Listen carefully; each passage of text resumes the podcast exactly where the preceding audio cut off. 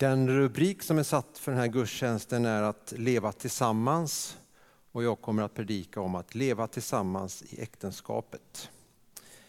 Jag har mött eh, hundratals par genom åren i samtal där ibland många kristna och det står helt klart att ingen går fri från slitningar och en saknad av glädje och kärlek i äktenskapet. Och vi vet att i vårt land så är det så att 50 procent av alla äktenskap slutar i skilsmässa och däribland många kristna. Så vad kan den text vi nyss lyssnat till säga oss om att leva tillsammans i äktenskapet? Med goda förutsättningar för just glädje och kärlek, ett välsignat äktenskap. Jag tror att eh, texten har något att säga till oss om det. Jag har fått höra att ni har en predikoserie på tema omstart. Och ordet omstart klingar positivt, åtminstone för mig. Det signalerar att eh, man får börja om, man får en ny chans. Och just därför så signalerar det också hopp. Omstart betyder i någon mening att vi kan lägga det bakom oss som inte har varit relevant, som inte har funkat. Och omstart kan i viss mening betyda ett vitt oskrivet ark där vi kan få fylla det med något nytt och fräscht. Och därför så kan ju omstart vara väldigt relevant för äktenskapet oavsett hur vi har det. Det är ju verkligen motiverat med omstart för oss som tycker att det är inte så bra som vi önskar. Då finns det en chans att tillföra relationen något nytt och fräscht. Men jag tror att det är lika motiverat för de av oss som tycker att ja, men, vi har det bra tillsammans. Jag har jobbat flera år inom socialtjänsten och under en del av de åren så jobbade jag med dysfunktionella familjer. Och där hade vi ett slagord riktat till oss socialarbetare men också till de familjer vi jobbade med. Jobba som mest när det fungerar som bäst. Jobba som mest när det fungerar som bäst. Och varför hade vi då det? Ja, det finns åtminstone två goda skäl till det. Har man genom ansträngning uppnått någonting som är önskat så behöver man fortsätta att anstränga sig för att behålla just det där tillståndet. Annars är det lätt att man halkar tillbaka i gamla hjulspår. Och för det andra så är det mycket enklare att jobba i medvind när man känner vinden i ryggen att surfa på de där vågorna. Man kan då uppnå synergieffekter. Och vad betyder det? Jo, när två eller fler faktorer förstärker varandra så att slutresultatet blir större än summan av de enskilda delarna. Så det är en uppmaning till oss allihopa. När det fungerar som bäst, jobba som mest. Och en omstart är bra för oss alla oavsett hur vi har det. Det finns mycket i den här texten i Efesierbrevet som i vår tid och vår kultur är kontroversiellt. Vissa verser skaver nog lite. Och det kan vara svårt att veta helt och hållet hur man ska förhålla sig till det. Så var det i alla fall för mig när jag läste den här texten. Och, och inte minst kanske när det gäller kvinnans förhållande till mannen. Eh, så sätter den här texten det i relation till den jämställdhet som vi lägger väldigt mycket tyngd på i, i vår kultur och i vår tid. Det kanske är den viktigaste fråga när det gäller relationer mellan man och kvinna i äktenskapet, på arbetsmarknaden, i kollegiet, i klassrummet. Men jag tror på Guds ord och jag tror att det är oerhört väsentligt att försöka förstå hur det som står kan tillämpas i våra liv, hur det kan tillämpas i våra äktenskap. Det börjar ju i vers 21 med att eh, vi ska underordna oss varandra. Ordet underordna är ett ord som eh, nog har en negativ klang för många.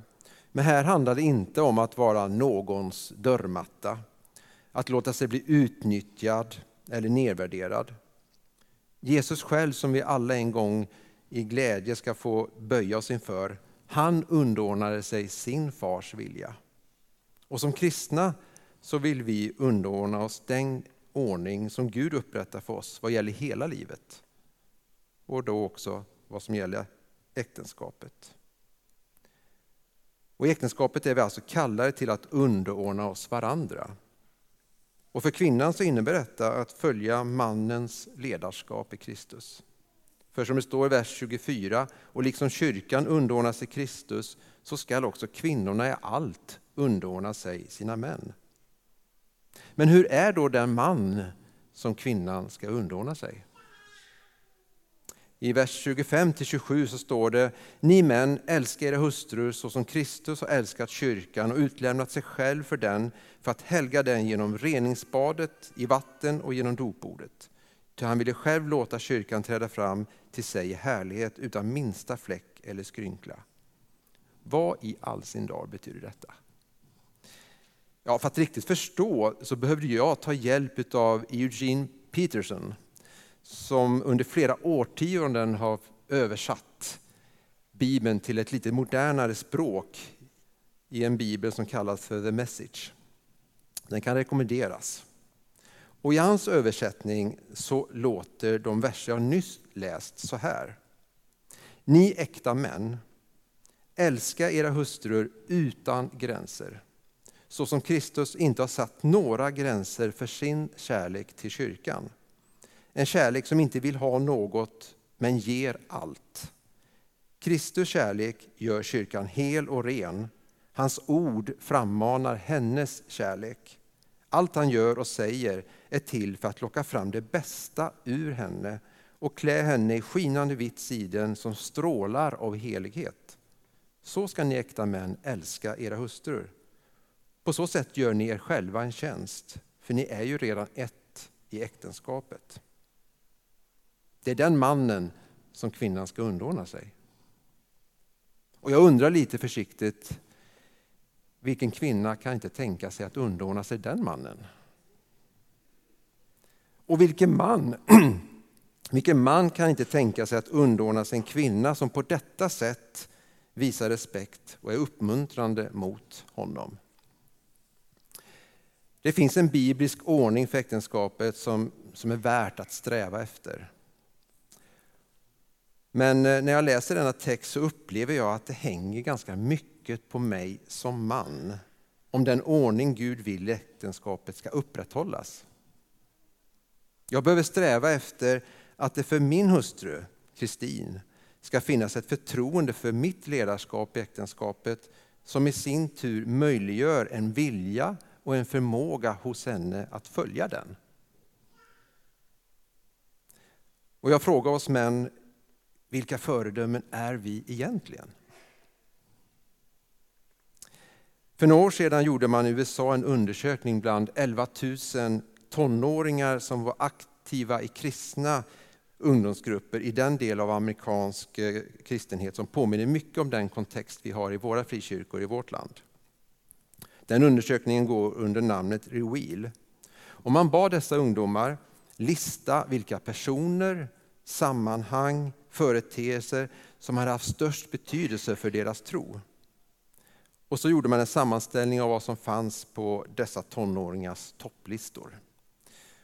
Vem eller var tror du kom etta? Vem eller var fanns med på flest troendes topp 10-lista? Ja, jag hörde någon viska någonting här. Det fanns en överlägsen etta. Mamma. 75 procent angav mamma som den personen som betydde mest för deras tro. På plats nummer två kom förvisso pappan, men det var 55 procent. 50 procent angav pastorn och sen så var det en klunga på 30 procent. Det var ungdomsgruppen, det var gudstjänsten, det var farmor och farfar med mera. Och det är siffror som jag tycker väcker lite till eftertanke.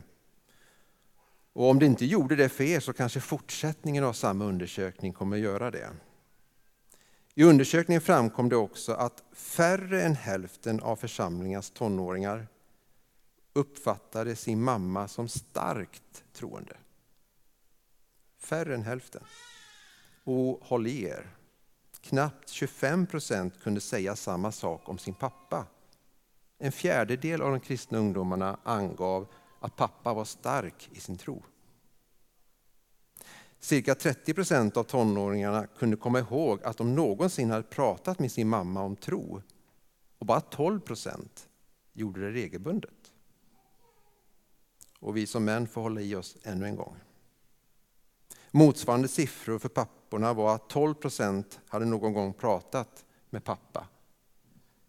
Och endast 5 procent gjorde det regelbundet.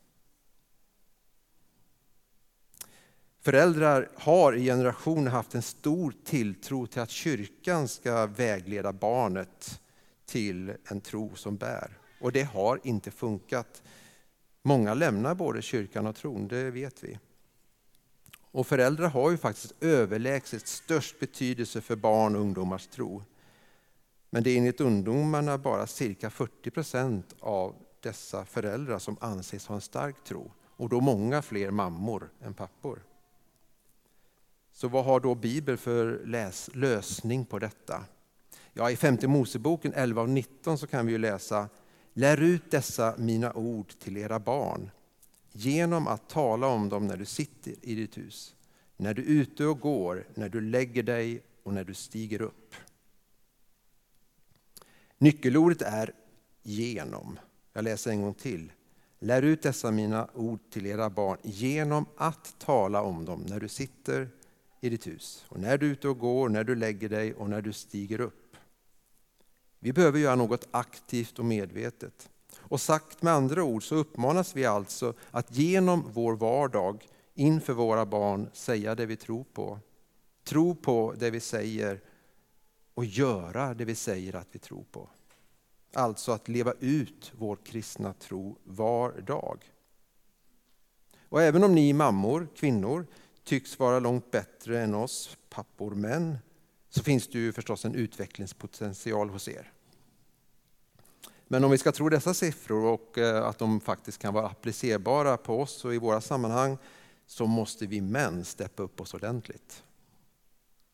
Vi som ska vara föredömen, vi som ska vara en man som kvinnan ska underordna sig. Alf B Svensson han skriver, vi har så fullt upp med jobbet att skjutsa barnen till alla aktiviteter, förhöra läxan, gå på föräldramöten, att den andliga fostran hinner vi inte med.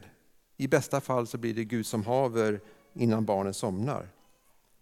Får våra barn veta vad tron betyder för oss så är det i kyrkan, inte hemma vid köksbordet, vilket borde vara mer naturligt. Och han fortsätter, om våra barn får en tro som håller hänger på vår egen tro, hur den präglar våra liv, vår tid, våra pengar och vår talang. Det är viktigt att prata med våra barn om vad vår tro betyder för oss, vad som är kärnan i min kristna tro. De flesta som har en levande tro har vuxit upp i familjer där föräldrarna haft en tro som inte bara har varit en söndagsreligion. Utan den har präglat hela deras liv. Och Många säger också att deras föräldrar haft en avgörande betydelse för att de har en tro här och nu. Och enligt Paulus i Efesierbrevet så har vi män ett stort ansvar här. Vi bör gå i bräschen för andligt ledarskap i våra familjer, i våra äktenskap. Och enligt Bibeln så har ni kvinnor till uppgift att heja på och uppmuntra oss män i denna uppgift. Och om man ska tro den här undersökningen, och jag tror faktiskt inte att vi behöver gå så mycket längre än till våra egna församlingar, så är det många kvinnor som jämte mycket annat ansvar i familjen också får bära kanske det huvudsakliga ansvaret för det andliga i både familj och äktenskap. Och så sent som i förra veckan så ställde prästen Hans Linholm en retorisk fråga i tidningen Dagen. Och varför överlåter så många män bibelläsandet åt sina fruar? Detta sagt då många undersökningar pekar på att kvinnor läser Bibel bra mycket mer än oss män. Denna utläggning av Efesierbrevets sista versar i kapitel 5 kommer att handla mest om att vi män behöver steppa upp. Men jag tror att det är mycket relevant och nödvändigt. Men för att sammanfatta dessa verser så talar Paulus om ett ömsesidigt underordnande. För mannen så handlar det om att ställa sina egna intressen åt sidan för, att, för sin hustrus skull. För i vers 25 står det, och ni män bör visa samma slags kärlek till era hustrur som Kristus visade när han gav sitt liv för församlingen. Det är så männen ska älska sina hustrur. För kvinnan innebär det att följa mannens ledarskap i Kristus. För att, som det står i vers 24, på samma sätt som församlingen lyder Kristus. Jag tror dock att det är viktigt att påpeka att ingen av oss klarar detta helt och fullt. Vi är bara människor med våra brister. Men det vi kan förvänta oss av varandra är att visa varandra den goda viljan att underordna oss varandra, varandra enligt Guds ord. Och oavsett hur bra eller mindre bra vi har varit på detta så är en omstart något för oss alla. Det som tidigare har varit bra, det får vi ta med oss in i omstarten. Det som tidigare inte varit bra får vi lämna bakom oss och ta nya och bättre grepp. Och här vill jag ge några tips på vägen och då fortsätta på det andliga spåret. A family that prays together stays together. En familj som ber tillsammans håller ihop. Har ni aldrig bett tillsammans, börja nu. Och börja gärna i det lilla. Kanske några minuter innan ni går och lägger er. Det är betydelsefullt, för när man ber tillsammans så blir man också starkare tillsammans. Den gemensamma bönen för oss närmare Gud, men den för oss också närmare varandra i äktenskapet. För du kan inte vara öppen mot Gud och samtidigt som du är stängd mot din partner. Och därför så är den gemensamma bönen viktig. Och jag vill uppmana inte minst oss män att vara goda förebilder här genom att introducera dessa goda vanor i äktenskapet. Och skulle det vara så att det är kvinnan som är en bättre förebild på detta område, ta då rygg på henne. Min erfarenhet när jag har mött par, och jag delar den erfarenheten i mitt eget äktenskap, det är att eh, det kan vara svårt att få till den gemensamma bönen. Det låser sig, man kan vara ovan att be högt och man eh, hittar kanske inte rätt tid på dygnet att få detta att fungera. Och ett litet tips som kan hjälpa er att komma igång, ett litet tips på omstart. Jag kallar den för hålla handen-bönen. Det går till så att ni fattar varandras hand där ni sitter vid köksbordet eller bredvid varandra i soffan eller bredvid varandra när ni ligger i sängen. Och så ber ni tyst för er själva. Och när du är färdig med din bön så trycker du lite på din partners hand som ett amen. Och så väntar du på att han eller hon gör detsamma genom att trycka sitt amen. Och så har ni bett tillsammans. Och allt eftersom så kan ni prova att högt formulera en kort, kort bön tillsammans. För den gemensamma bönen för oss närmare Gud, men också närmare varandra. Att läsa sin bibel, att samtala med Gud enskilt och tillsammans, dela gemenskapen med trossyskon under söndagens gudstjänst, det är goda vanor för en kristen som vill leva nära Gud, men det är också goda vanor för ett välsignat äktenskap.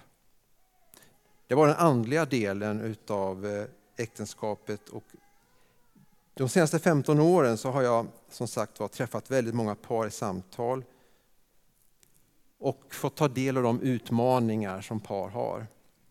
Och Det som kännetecknar de flesta par jag möter är den påtagliga diskrepansen mellan att intellektuellt veta att man är älskad och den innerliga känslan av att yes, jag är verkligen älskad.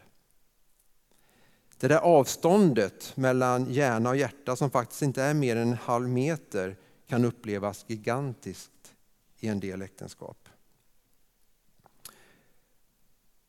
För det är en så stor skillnad att intellektuellt veta att man är älskad och den innerliga känslan av att jag är verkligen älskad.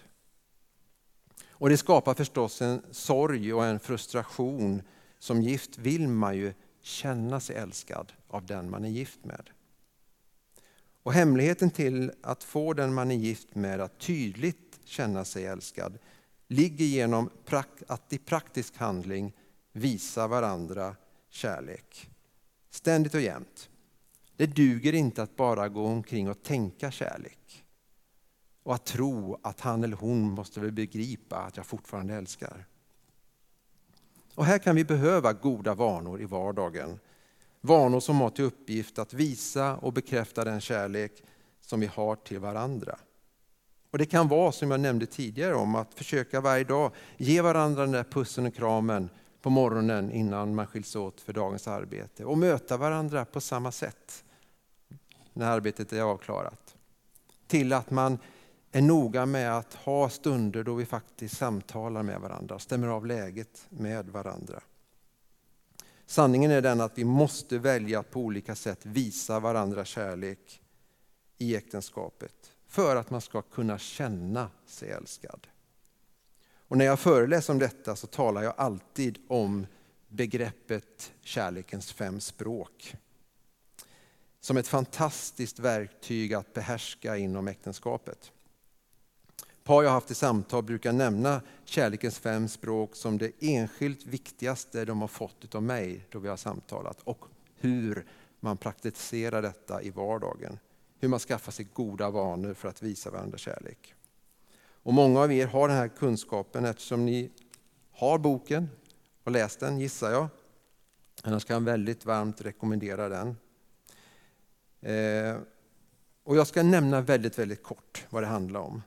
Den kristna författaren och äktenskapsrådgivaren bakom den här boken, Gary Chapman, förundrades över när han träffade par varför vissa par kunde kanalisera sin kärlek så att den också upplevdes hos sin partner. Men han såg ju också de par som la ner lika mycket engagemang och kraft i att älska. Men där man inte alls fick den eh, respons som man önskade. Utan där partnern gav uttryck för att du älskar mig inte alls. Det känns inte alls så för mig. Och hur kunde detta komma sig? Det ville han forska lite i. Och när han studerade dessa par så kunde han se att det fanns fem grundläggande sätt att tala om och visa att man älskar någon så att föremålet för min kärlek också kan känna sig älskad. Och jag ska inte gå in på det mer än att nämna att eh, de här fem sätten handlar om tid tillsammans, omtänksamma gåvor, hjälpsamma handlingar, kärleksfulla ord och fysisk beröring.